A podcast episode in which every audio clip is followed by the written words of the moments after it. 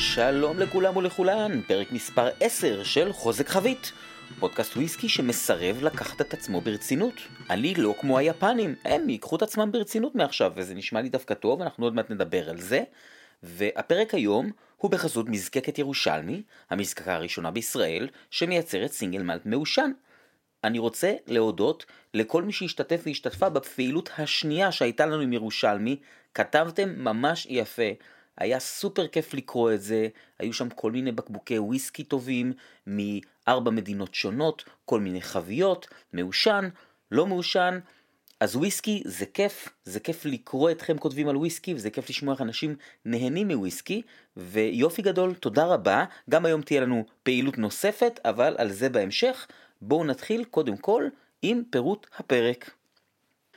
בפינת המונח נמשיך את הטריו המעושן שהיה לנו מפרקים 8 ו-9 ונסגור את הנושא הזה היום וזה יאפשר לנו לפתוח ברן חדש כזה של כמה פינות מונח. בפינת החדשות יש לנו אייטמים מיפן, מארצות הברית ומסקוטלנד. בפינת ההיסטוריה נדבר על בלוויני מהמזקקות הבודדות שעדיין מפעילות מלטינג פלור, ואם אתם לא יודעים מה זה מלטינג פלור, תקבלו פרומו בפינת המונח. בפינת עומף תואם אני אענה על שאלה שחזרה על עצמה מכמה מאזינים ומאזינות, ואז אני אטעם וויסקי אחד טעים מאוד.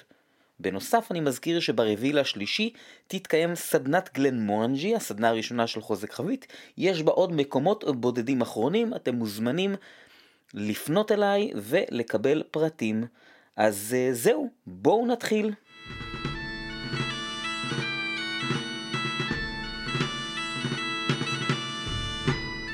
בשבוע שעבר בפינת המונח דיברתי על כבול והבנו מה זה, אני מזכיר את הסיכום. כבול הוא חומר אורגני שנוצר בצורה טבעית בתנאים מסוימים והוא משמש כדלק. הכבול שונה ממקום למקום, אני מתכוון מקום גיאוגרפי. בתעשיית הוויסקי, כבול יכול לשמש גם כמשפיע, אפילו משפיע מאוד חשוב, על אופיו וטעמו של הוויסקי. היום רציתי לדבר על איפה כבול משתלב בתהליך הייצור של וויסקי, אבל האמת היא שכדי לדבר באמת על תהליך ייצור של וויסקי אני אצטרך הרבה מאוד זמן, וזה לא בדיוק המקום. לכן, החלטתי שהיום אני אתרכז בנושא העשן עצמו, כדי לסיים באמת את הנושא הזה, שכבר שתי פינות ועכשיו פינה שלישית מעסיקה אותי בו, במטרה לתת לכם כמה כלים או כללי אצבע כדי להבין מעט יותר בוויסקי מעושן, והחלטה נוספת, בפרק הבא אני אתחיל עוד פעם בסדרה של פינות, כשהפעם בפינות המונח האלה אני אדבר באופן כללי על איך מייצרים וויסקי. כלומר, מהפרק הבא, בכל פינת מונח אני אדבר על שלב אחד בייצור וויסקי. שם הכבול ישתלב עוד פעם, אנחנו נפגוש אותו, ומי ששמע את הטריו הלשן, יבין יותר בקלות את התמונה המלאה. אז חשוב לי שתבינו שהיום אני מדבר בעצם בנקודות על איפה הכבול פוגש אותנו, ואני בכוונה לא נכנס לעניינים טכניים שמקומם יגיע בהמשך. אז בואו נתחיל. כשמייצרים וויסקי משתמשים בשעורה ובדגנים נוספים. בסינגל מלט, רק בשעורה כמובן, בגריין וויסקי, שעורה ועוד דגנים כמו חיטה או תירס. תחילת תהליך הייצור כוללת כמה שלבים שהכותרת הכללית שלהם זה הכנת השעורה לשימוש, נקרא לזה ככה. אחד מהשלבים האלה הוא ייבוש של השעורה, והוא מצריך מקור חום. מקור החום הזה במשך שנים רבות היה כבול. עם השנים, רוב המזקקות סגרו את המלטינג פלור שלהם, כלומר, הפסיקו לעשות את תהליך הכנת השעורה לבדן, והחלו לרכוש שעורה שכבר עברה את התהליך הזה, ברוב המקרים ללא או עם מעט מאוד כבול. אני רוצה להזכיר שכבול הוא דלק לא יעיל, או חומר בעירה לא יעיל. למה? הוא מייצר מעט חום והרבה מאוד עשן ביחס למה? ביחס לפחם. ואכן, הפחם החליף את הכבול בכמה עשרות השנים האחרונות כדלק בלי קשר לתעשיית הוויסקי. בכל זאת, יש מזקקות אשר שמרו על מסורת הייצור עם מרצון ועם מכורח, והמשיכו להשתמש בכבול. אז במקרים האלה בהם השתמשו בכבול, בעצם בתהליך הייבוש הזה של השעורה, נוצר עשן שנטמע בה, וטעמיו בעצם עברו לוויסקי שנוצר מהשעורה המעושנת הזאת. כשכל מזקקה הייתה מכינה את השעורה שלה לבד לתהליך הייצור, אז באמת לכל מזקקה הייתה שעורה עם מידה שונה של עשן, שלעשן הזה היה אופי שונה. גם כיום, בעידן שבו מזקקות מזמינות את השעורה ממלטטה, כמו פורט אלן, גלן אורד או סימפסונס, הן מבקשות אותה לפי מתכון. העשן הוא פרמטר במתכון. נשאלת השאלה, איך הוא נמדד? התשובה, על ידי כמות הפנולים שיש בו. מה זה פנולים? פנולים הם תרכובת קימית שקיימת בכבול ונטמעת בשעורה במהלך ייבושה באמצעות העשן שעולה מהכבול. כלומר, הכבול בוער, עולה ממנו עשן, בעשן הזה יש פנולים והם נטמעים בשעורה. והמדד הוא בעצם כמה חלקיקים כאלה, כמה פנולים כאלה יש מתוך מיליון חלקיקים בשעורה. בואו נעשה זה פשוט, ppm, parts per מיליון. אז בואו רגע נעשה איזה סיכום ביניים. וויסקי עשוי גם או רק משעורה, שעוברת הכנה לתהליך הייצור אשר כוללת ייבוש. כשמקור החום לייבוש הזה הוא כבול, השעורה מקבלת טעמים מסוימים וניתן למדוד באמצעות ppm כמה פנולים יש בה. אבל זה לא כל הסיפור. כשמזקקה מציינת מה רמת העישון של השעורה שלה, או כמה ppm יש בה, צריך לזכור שזה לא רק שאלה של כמה, אלא גם שאלה של מה. אני אתן לכם דוגמה. בן רומח היא מזקקה נהדרת מהספייסייד, שמייצרת וויסקי מעושן קל משעורה עם 12 ppm. לבן רומח יש גם סדרה נוספת שנקראת Peat Smoke, מעושנת יותר מהסדרה הרגילה. ה Peat Smoke הראשון היה מעושן ברמה של 67 ppm. על פניו, יותר מקילחומן, ארדבג ולפרויג, הרבה יותר מלגבולין, טליסקר, בורמור וקולילה. אבל הוא לא הרגיש ככה, אפילו לא קרוב. יכול להיות שהכבול שבו השתמשו היה עדין, ואז אמנם יש יותר ppm, כלומר יותר חלקיקים, אבל החלקיקים הם של תרכובת יותר עדינה. בנוסף, המדד הזה אינו לוקח בחשבון את תהליך הייצור. בתוצר הסופי, כלומר בתזקיק, יש פחות ppm מאשר בשעורה. המספרים הללו לא תמיד מפורסמים, ואם כן, לרוב זה לא בצורה רשמית ושקופה, וזה גם המקום לציין לטובה, למשל את מזקקת איילסביי, שרושמת ממש על התווית שלה כמה ppm יש בנוזל, לא בשעורה, אלא בסוף תהליך הייצור. אני נותן פה לדוגמה מספרים שאני מכיר, אבל אני רוצה מראש לסייג שאני לא מתיימר לומר שאני יודע אותם. לא בוודאות, מסיבה פשוטה, אני לא היצרן. אז אני אומר לכם מה שאני מכיר וקראתי בכמה מקורות.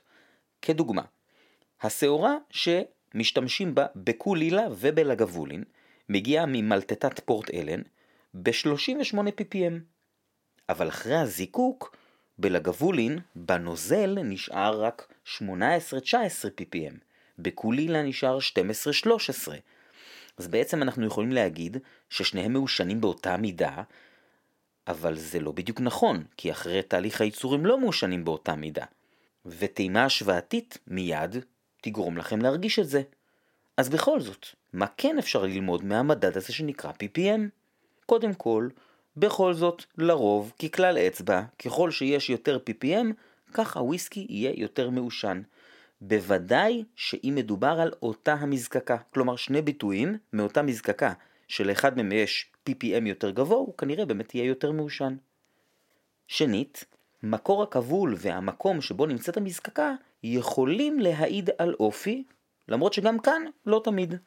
דבר אחרון, אם יצרן מסוים מדגיש את העשן, למשל מה שהרוב עושים, רושמים ביטויים כמו פיטד או heavily פיטד, או מדגיש את מספר ה-PPM הגבוה, כנראה שמדובר בוויסקי מעושן, בוודאי בהתאם לייצור הרגיל של אותו היצרן. אז בואו נעשה סיכום בחמש נקודות. 1. חלק מהכנת השעורה לתהליך הייצור של וויסקי כוללת ייבושה באמצעות מקור חום. 2. כשמקור החום לתהליך הזה הוא כבול, השעורה מקבלת טעמים מסוימים שיעברו לוויסקי. 3. האופי והעוצמה של אותם טעמים ייקבעו על ידי פרמטרים שונים כמו מקורו של הכבול או אלמנטים טכניים במלטטה. 4. המדד ppm מאפשר לנו לדעת כמה חלקיקי עשן יש בשעורה, אבל לא את מקורו או את אופיו של העשן הזה. 5. המדד ppm לרוב מתייחס לשעורה לפני הזיקוק ולא לתזקיק, כלומר לתוצר עצמו. לכן, לא תמיד ה-PPM יעיד במישרין על עוצמת הטעמים המעושנים שאנחנו נרגיש בוויסקי או על האופי שלהם. אני רוצה להוסיף איזושהי הערה לסיום. בעולם של היום, לייצר וויסקי מעושן שווה כסף והרבה. יש יותר ויותר מזקקות מכל רחבי סקוטלנד בלי קשר לאזורים שיש להן line מעושן קבוע או לכל הפחות מהדורות מעושנות מדי פעם. אני אתן לכם דוגמה. לפני שבוע ביקרתי חבר שמזג לי טעימה עיוורת ואמר לי יאללה קדימה מה יש לך בכוס קדימה בוא תטעם בוא נראה מה אתה מריח שם. אז הרחתי וטעמתי וחשבתי שזה קולילה ואז אמרתי לעצמי אולי זה ארדמור כי הארדמור של בלק אדרה ממש מעושן כבד וטוב וזה קצת הזכיר לי את הלכלוך שלו וזה היה בלדנוך מעושן. הוא היה מעולה, והוא היה הפתעה גדולה, קודם כל כי אני לא ידעתי שבלדנוך עושים וויסקי מעושן, ואת האמת שגם אם הייתי יודע, אני חושב שבחיים לא הייתי מנחש שזה יהיה הפרופיל שלו. למי שלא יודע, בלדנוך היא מזקקה מהלואולנד, שהוויסקי שלה הוא לרוב וויסקי די מעודן. אז יש הפתעות בחיים, וההפתעות האלה זה די כיף. אז זו הייתה פינת המונח שלנו להיום, אני מקווה שעשיתי לכם קצת סדר בנושא העשן בשלוש הפינות האחרונות, ואנחנו בדו... בוודאי ניגע בנושא הזה שוב ושוב, מסיבה פשוטה, וויסקי מעושן זה ממש ממש כיף, וכמובן, שאם יש לכם שאלות, אתם מוזמנים לפנות אליי, ואנחנו נמשיך הלאה לפעילות עם ירושלמי, טייק שלוש.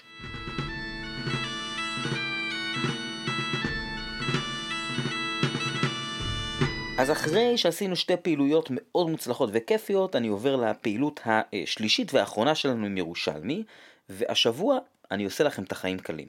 מה שאני מבקש השבוע זה לשמוע מה הדבר הכי מעניין ששמעתם בפודקאסט, ממש כאן בחוזק חבית. האם זה מונח שלא הכרתם או שלא הבנתם? האם איזה חדשות ששימחו אתכם? האם זו ההיסטוריה של המזקקה שאתם הכי אוהבים? או אולי איזה טיפ שקשור לשתייה ששיפר את חוויית הוויסקי שלכם, או וויסקי שקניתם בעקבות פינת עומף תואם וממש ממש אהבתם. איך אתם מספרים לי את זה? כרגיל, אתם מגיבים לפוסט של הפרק כשהוא עולה בעמוד הפייסבוק של חוזק חבית. יש לכם עד יום חמישי ה-25 לשני בערב, ובשישי בצהריים אני אפרסם במי השופטים בחרו, ו...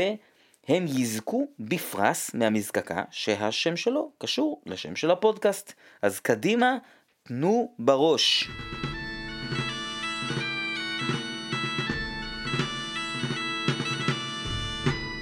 ואנחנו עוברים לפינת החדשות, אנחנו מתחילים עם האייטם הראשון שהוא מיפן. אוקיי, עכשיו זה, זה הולך להיות קצת כמו גליצ'ים בוואן. עולם הוויסקי סער השבוע, עולם הוויסקי כמרקחה. Uh, בקיצור, היה הרבה הרבה הרבה רעש השבוע על פרסומן, או בשל פרסומן, של תקנות חדשות בנוגע לוויסקי יפני. אני הולך ממש לפשט ולקצר את זה, בעיקר כדי להדגיש את השינוי ואת המשמעות, כי אפשר לעשות על הדבר הזה לא רק פינת היסטוריה, אלא uh, פרק שלם. אז בגדול בגדול, כיום, או יותר נכון עד היום, או עד ה-31 למרץ השנה, כדי להיקרא וויסקי יפני, הדרישה הייתה שהנוזל יבוקבק ביפן. מה ששמעתם, זהו.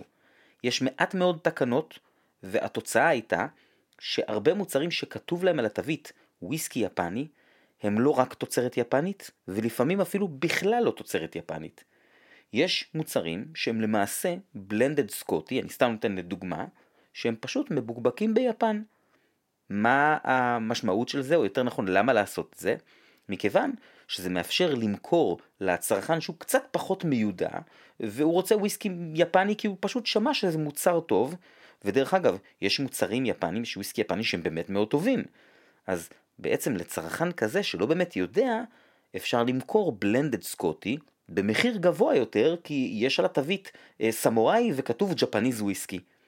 התקנות החדשות יעשו סדר בנושא הזה, ולא יאפשרו למכור נוזל שיוצר במקום אחר מחוץ ליפן כוויסקי יפני, כמו כן, יהיו כל מיני חוקים נוספים, למשל, מינימום זמן של עישון.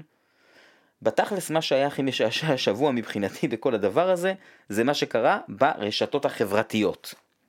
למשל בטוויטר, צייסני וויסקי רבים סמכו על התקנות האלה רק בגלל שמבחינתם יש יותר סיכוי בקרוב לראות יותר בקבוקים של בן נביס. למי שלא יודע, בן נביס היא מזקקה סקוטית, מזקקה נהדרת, ששייכת לחברה היפנית ניקה. ורוב התוצרת של בן נביס הולכת לבלנדים ה, אני עושה פה במרכאות, יפנים של החברה הזו. אפילו ראיתי סרטון של מישהו שהדביק קרטון מרובע שכתוב עליו בן נביס על בקבוק של ניקה פרום דה ברל.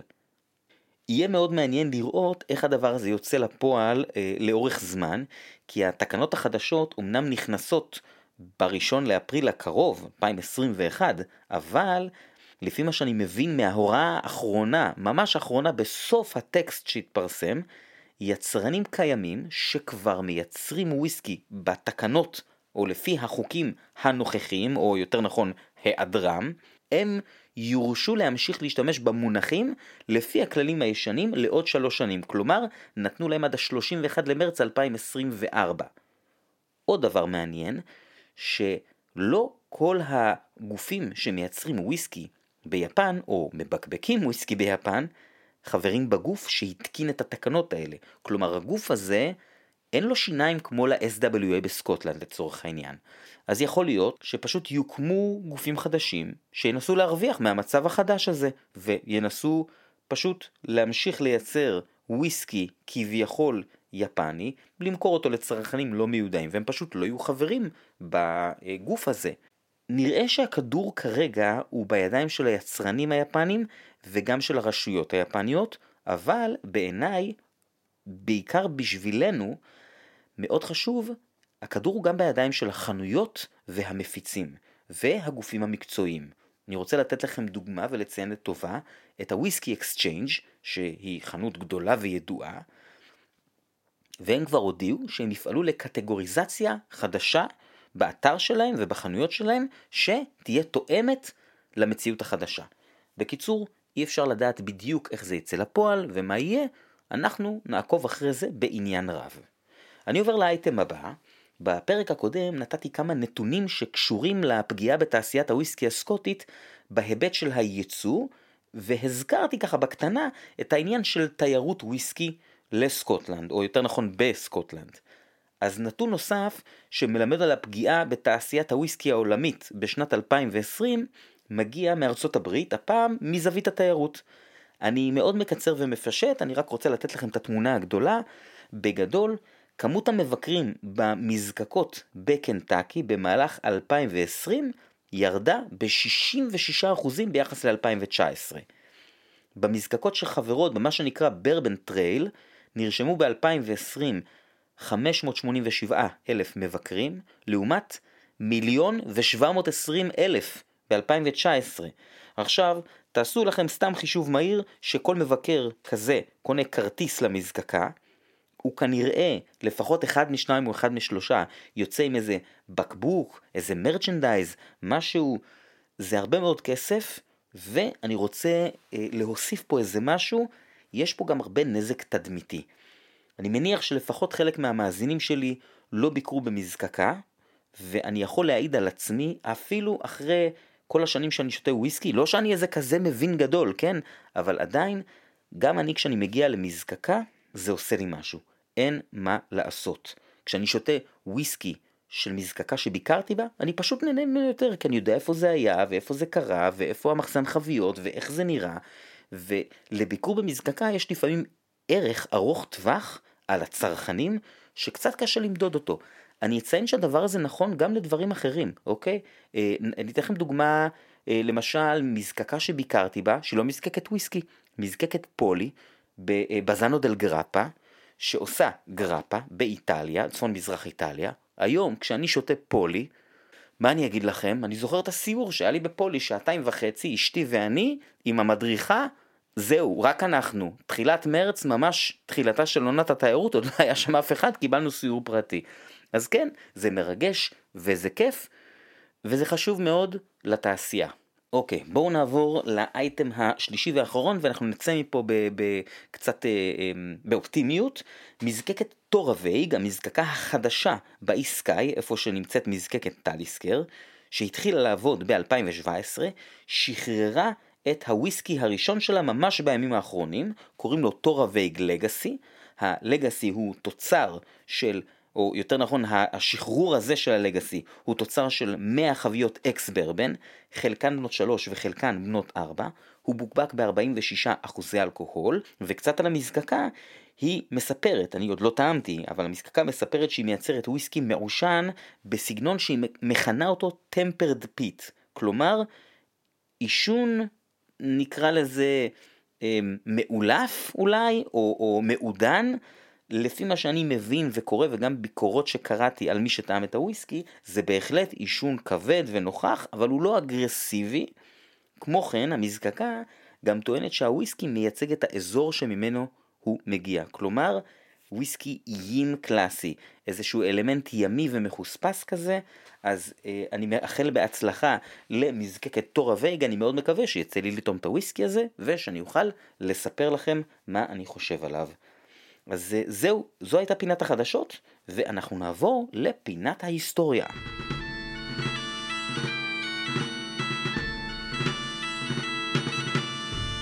היום בפינת ההיסטוריה אני רוצה לספר לכם על מזקקת בלוויני בגלל איזשהו אלמנט מסוים בה, אבל גם בגלל שאני אוהב אותה ושהיא עושה אחלה וויסקי. אז בואו נתחיל. מזקקת בלוויני נפתחה ב-1892, חמש שנים אחרי אחותה הבכורה גלן פידיך, נפתחה באותו מקום, העיירה דאפטאון שבספייסייד, ועל ידי אותה משפחה, משפחת גרנט. השם שלה בהתחלה היה גלן גורדון, הוא השתנה לבלוויני על שם הטירה הישנה שנמצאת ממש ליד המזקקה. כשהמזקקה הזאת הוקמה היו בה שני דודי זיקוק, אבל הגל של פופולריות של וויסקי סקוטי אחרי מלחמת העולם השנייה ובשנות ה-60 גרם להרחבתה מספר פעמים. ב-1957 הותקנו בה שני דודים נוספים, עוד שניים ב-1965, עוד שניים ב-1971 וכיום יש בה 11 דודי זיקוק. לציין שהמזקקה מעולם לא נסגרה או נמכרה. כמו גלנפידיך, היא שייכת למשפחת גרנט עד היום.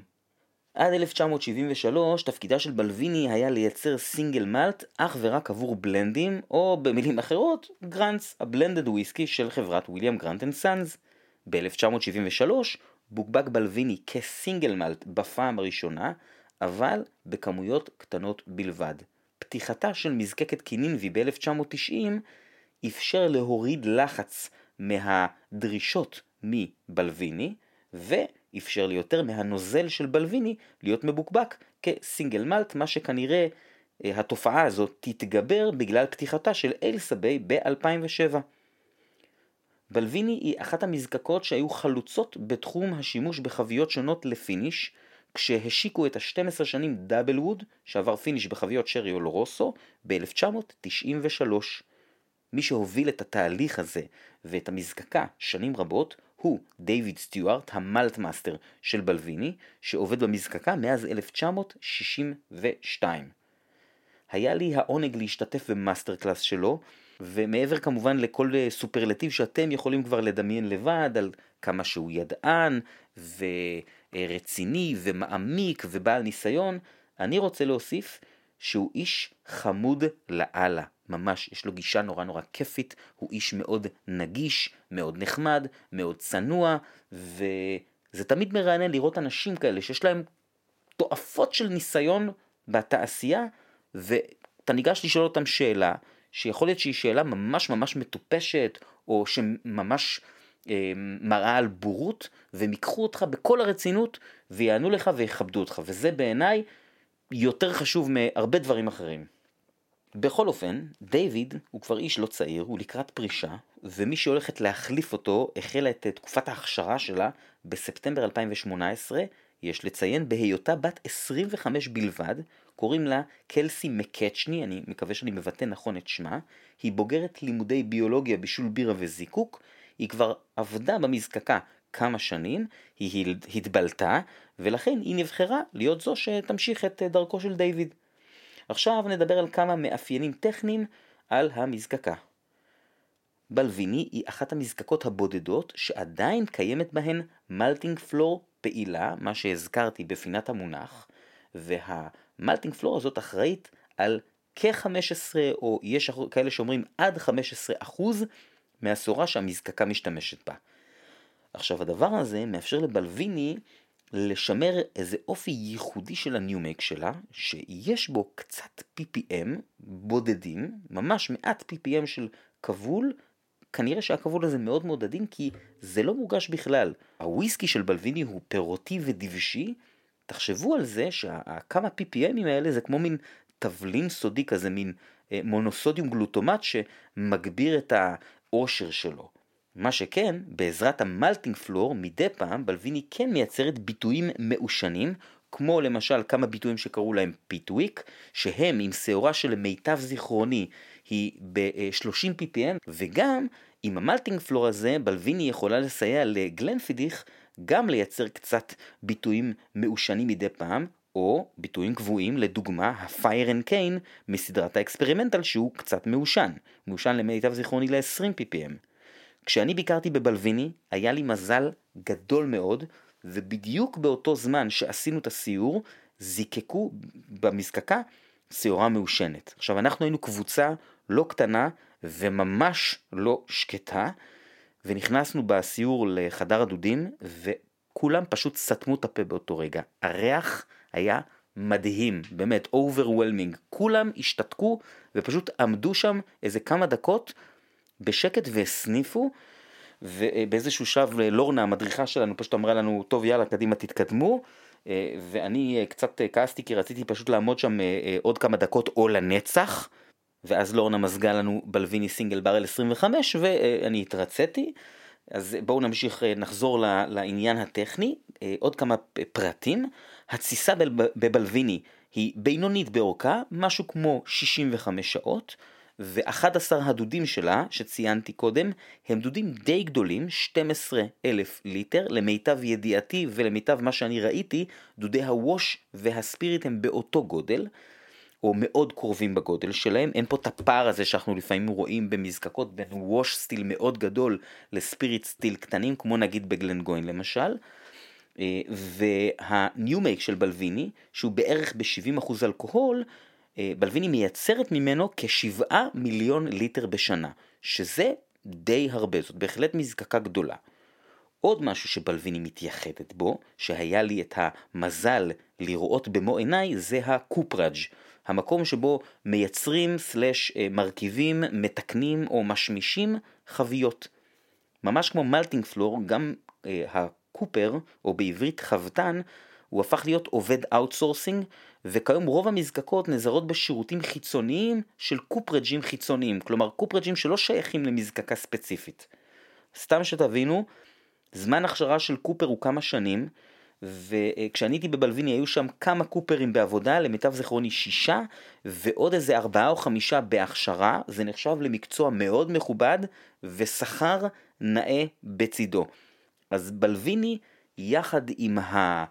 מלטינג פלור גם משמשת, מש, סליחה, גם משמרת את הקראפט הזה של, של הקופרים ששייכים למזקקה, ואני חושב שיש בזה משהו מאוד מאוד יפה, ובאיזשהו מקום יכול להיות שגם נכון עסקית, שיש פה איזושהי מין אוטרקיה כזאת. מבחינת range בלוויני מייצרים מגוון מאוד גדול של ביטויים. אני אתחיל עם מה שאפשר למצוא בארץ.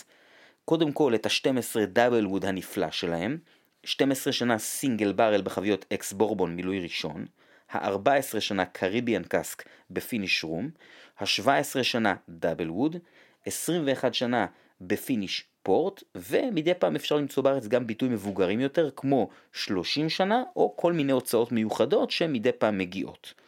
בנוסף לזה, בשוק העולמי יש לבלוויני עוד מגוון מאוד גדול של ביטויים ופינישים, חלק מהם בייצור קבוע, חלק במהדורות זמניות, אני סתם זורק שמות מההווה והעבר, 21 ב Madeira finish, 17 peated cask, אני מזכיר, 17 שהוא היה בחבית שהיה בה לפני זה וויסקי מעושן, דיברתי על זה בפינת המונח לפני שני פרקים, על peated cask, הוצאות מיוחדות כמו Tun 1401 ו Tun 1509 שהחליף אותו במספר בצ'ים, ומשהו שאני ממליץ לקרוא עליו פשוט כי זה מעניין, אין לי זמן לדבר על זה, אבל תחפשו את סדרת DCS קומפדיום, ממש מעניין לקרוא על זה.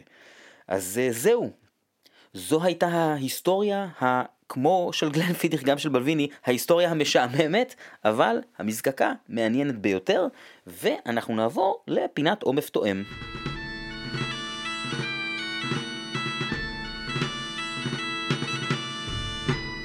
אז היום אני רוצה להתחיל את פינת עומף תואם עם מענה לשאלה של כמה מאזינים ומאזינות שאלו אותי כבר כמה פעמים, אז החלטתי שזה ראוי להתייחס לזה, והשאלה היא, תגיד, איך כל מה שאתה טועם טעים לך? זאת אומרת, מה, כל פינת עומף טועם, אתה מספר על איזשהו וויסקי שאתה מחבב, או אוהב, או ממש ממש אוהב, ומשתגע עליו, אבל מה, אין, אין וויסקי שלא טעים לך? כל הוויסקי טעים?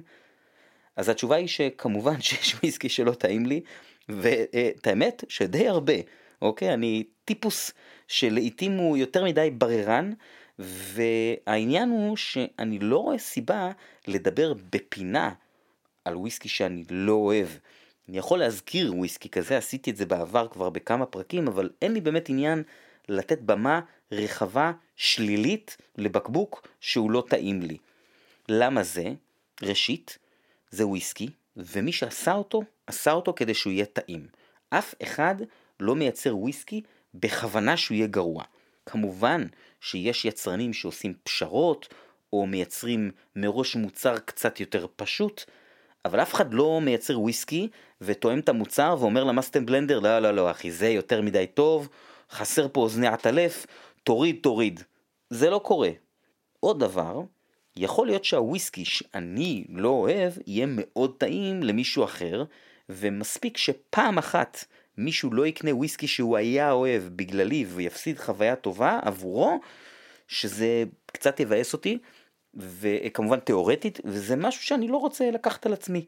אז אני החלטתי כשהתחלתי להקליט את הפוד, שאני רוצה לשמור על רוח דברים חיובית, ואני בהחלט יכול להשמיע ביקורת, אבל כשאני עושה את זה, אני משתדל שתהיה ביקורת עניינית, ככל שאני יכול, והביקורת הזאת תהיה על יצרנים, על יבואנים, על מפיצים, אבל גם עלינו הצרכנים, כשזה במקום. אז אני מקווה שעניתי על השאלה הזו היטב, וכדי להיות חיובי, וגם להזכיר לכולם שוויסקי זה כיף, היום אני נותן רשמי טעימה שלי לבקבוק ממזקקה שאני אוהב, אבל לצערי היא לא מספיק פופולרית בארץ, וממבקבק שאני אוהב, ובאופן סדרתי, עושה כיף מוויסקי בעזרת השמות הנהדרים שהוא כותב על התוויות שלו. המבקבק הזה הוא ה-SMWS, Scotch Malt Whisky Society, שכבר הזכרתי בעבר, הוא הוקם כמועדון וויסקי ב-1983, וכפי שסיפרתי בפרק הקודם בפינת ההיסטוריה, הוא נרכש על ידי גלן מורנג'י ב-2004, לציין שהיא מכרה אותו ב-2015. למבקבק הזה יש שיטת מספור, או נקרא לזה קידוד אה, מעניינת, לא רשום שם של מזקקה על התווית, אה, אלא אה, קוד או מספר. כמובן שהקודים האלה הם לא סודיים, חיפוש מאוד פשוט בגוגל יגלה לכם אותם, ולכל בקבוק יש גם שם.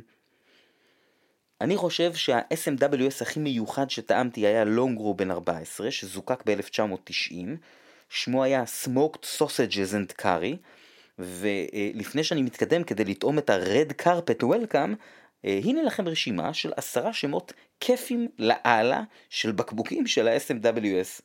מספר 1, I like big butts. ארדמור, שאתם יכולים לנחש באיזה סוג של חבית הוא, שרי בת. מספר 2, Peroxide blonde with good body. בלונדינית מחומצנת עם גוף טוב. אה, זה בלדנוך שבוקבק ב-2004, ואני נוטה לנחש שב-2021 או אפילו 2019 כנראה שלא היו קוראים לבקבוק בשם הזה, זה לא היה עובר היום. מספר 3, Mermaids at Play in Loch Indaal, שהמשמעות של זה היא אה, בנות ים או בתולות ים, אה, משתכשכות ומשחקות בלוכינדל, לוכינדל באיילה, וזה בעצם בואומור. עוד וויסקי עם שם מגניב, מספר 4 במצעד שלנו, Waffles Turkish Delight. אה, או בעברית ופל בלגי רחת לוקום, וזה, וזה בקבוק של בן רינס. מספר 5, Pain is so close to pleasure, שהוא קולילה.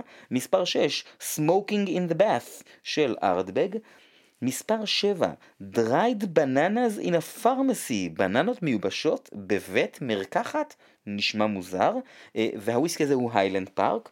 מספר 8, ואני מתנצל אבל אין אפשרות להקריא את הדבר הזה בלי לעשות מבטא איטלקי, Mostarda di frutta di Cremona, שהוא מקאלן בשרי hogshead במילוי ראשון, זה בטח טעים. אה, מספר 9, Gunpowder treason and plot, שהוא היילנד פארק. ומספר 10, גרנמאז סאמר ג'אם רספי, שהוא קליינליש. אז תגידו לי אתם, זה לא סופר כיף? זה ממש ממש כיף. אני טעמתי לא מעט בקבוקי SMWS, אה, חלק מהם היו טובים, חלק מהם היו מצוינים, היו גם כמה שלא כל כך אהבתי, וכמובן שזה עניין של טעם, ואני עכשיו ניגש לטעימה של הוויסקי שאני טועם היום. אז נתחיל עם תעודת זהות. SMWS 135.3, כלומר, החבית השלישית שהם בקבקו של מזקקה מספר 135 בקודים שלהם. עכשיו אם נלך ונבדוק מה המספר הזה אומר, אז זה בעצם אינצ'מואן, ואינצ'מואן הוא ביטוי מעושן של מזקקת לוך לומונד, אז זה מעניין לציין שבעצם לליינים השונים של לוך לומונד, כל line קיבל אצל ה-SMWS מספר אחר, נגיד אינצ'מורין זה 112 וקרופטנגיה זה 122. בכל אופן, האינצ'מורין הזה זוקק ב-15 למרץ 2001, הוא התיישן 16 שנים בחבית סוטרן, ובוקבק ב-53.7 אחוזי אלכוהול נעים, 282 בקבוקים סך הכל. השם שלו, כמו שאמרתי קודם, הוא Red Carpet Welcome. בטעימה מיד לאחר המזיגה, באף מתוק מאוד עשיר, גם פירותי, גם מבוסם, אה, אני תמיד מקבל נוטים כאלה מחביות סוטרן של משהו שמזכיר לי מאפה לימוני כזה, אני תמיד אומר פאי לימון, אני מתנצל בפני המאזין גלעד שכרגע מתעוות באזור הגבות שלו, אה, אה, אין מה לעשות, אבל פה מעבר לסוטרן הזה, לנוטים הקלאסיים האלה של סוטרן שאני מרגיש לפחות, יש כל מיני דברים, למשל משהו שמאוד בולט זה מרציפן, אני לא רוצה להתחיל לקשקש על מיליון סוגים של ריחות, אבל הוא פשוט מאוד מאוד עשיר וכיפי, ומה שממש מעניין, אין פה עשן באף בכלל, כלום, אפס עשן. בפה, מלא עשן. עשן שהוא לא אה, עשן איילה, כי אכן אה, אה, אינצ'מואן, או לוך לומונד יותר נכון, נמצאת בדרום ההיילנד, אז זה לא עשן איילה, זה יותר עשן של מין עץ שרוף כזה, והרבה מאוד פלפל שחור. בניגוד לאף שיש בו רק מתיקות, בפה יש גם הרבה חמיצות, והסיומת יבשה ומאוד מתובלת. כהרגלי בקודש, הלכתי ל-20 דקות, הצקתי לחתול, וחזרתי, והאף הפך מתוק יותר, ופתאום יש בו בכל זאת מעט עשן, הפירותיות ירדה, והמתיקות של המרציפן התגברה וקיבלה עוד כל מיני אה, אה, גוונים כאלה שהם מזכירים קרמל או מין מייפל שרוף כזה. בפה העשן טיפה התמתן אבל ממש ממש קצת, וקרה פה איזה משהו מעניין שהוויסקי בפה אחרי 20 דקות הוא לא השתנה, הוא פשוט הרגיש לי כאילו יותר אה, אה, אחיד כזה, נקרא לזה ככה, זאת אומרת יותר אינטגרייטד, משהו שם היה יותר הרמוני, עבד יותר טוב. שורה תחתונה, וויסקי נהדר, מעושן, לא כבד אבל בהחלט נוכח, והשילוב עם החבית סוטרן ממש ממש טוב. אמרתי את זה קודם, אמרתי את זה גם בעבר, אני אומר את זה עוד פעם, אני חושב שאינצ'מואן עושים אחלה וויסקי, הם לא מקבלים בארץ אה, הרבה קרדיט, וחבל. אה, אה, וזהו, אז זה היה הפרק העשירי של חוזק חבית, תודה רבה שהאזנתם והאזנתן. ואנחנו נתראה בשבוע הבא בפרק נוסף. ביי!